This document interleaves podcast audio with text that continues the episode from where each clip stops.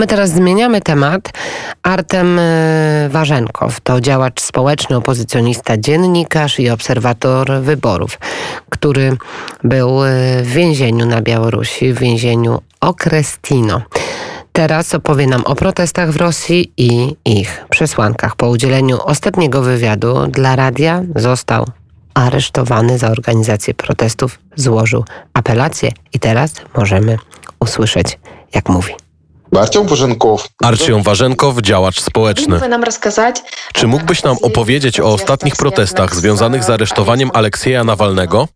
Значит, смотрите, я анализировал ситуацию по России в целом и могу сказать следующее. Этот протест имеет несколько особенностей. Во-первых, ожидалось, власть почему-то ожидала, что это будет протест э, прям совсем юной аудитории, школьников, подростков. Analizowałem sytuację całościowo i mogę powiedzieć, że ten protest ma kilka czynników.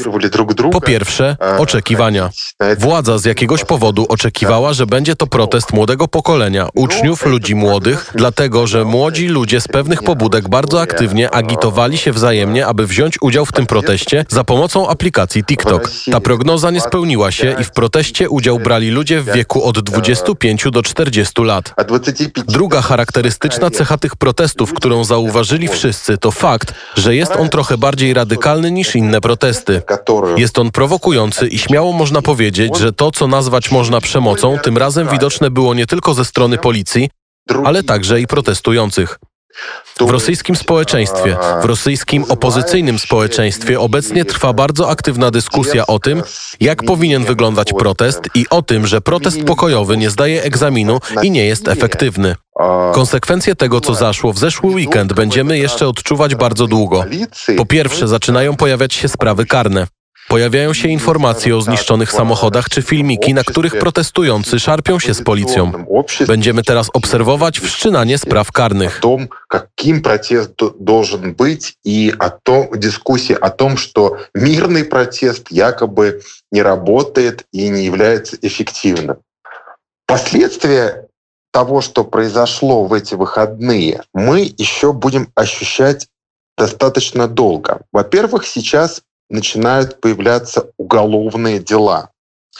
Где-то машину разбили, где-то засняли, как протестующие дерутся с полицией и так далее. То есть мы будем видеть уголовные, возбуждение уголовных дел. Что касается количества людей, которые уже приняли участие в этом протесте. Цифры очень сильно разнятся, и информация совершенно разная. Co do ilości protestujących, którzy wzięli udział w tym proteście, liczby bardzo mocno się różnią. Oczywiście informacjom, które przedstawione są przez władze, absolutnie nie można wierzyć. Władze bardzo mocno zaniżają te liczby. Jednak według moich odczuć to był masowy protest największy od czasów takiego samego w 2011 roku. Wtedy w Rosji miały miejsce aktywne protesty. Na ulice Moskwy wychodziło 100 tysięcy protestujących. Od tamtego czasu obecne protesty są największymi protestami. Jeszcze jeden interesujący niuans to fakt, że w miastach obwodowych na ulice wyszło bardzo dużo ludzi. Jeśli brać pod uwagę proporcje, to być może ludzi wyszło nawet więcej niż w Moskwie. W zależności od regionu kraju sytuacja się nieco różniła. Gdzie niegdzie władze zachowywały się bezwzględnie, a gdzie indziej łagodnie. Интересный нюанс заключается в том, что в регионах вышло много людей. Если брать по пропорциям, то людей вышло, может быть, даже сказать в пропорциональном соотношении даже больше, чем в Москве. Смотрите, от региона к региону ситуация была немножко разная. И где-то власти вели себя жестко, где-то чуть помягче.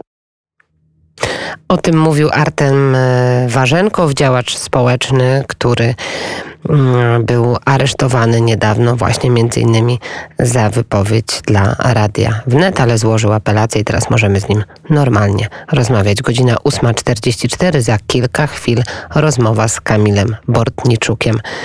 No właśnie, politykiem jeszcze porozumienia, czy już nie?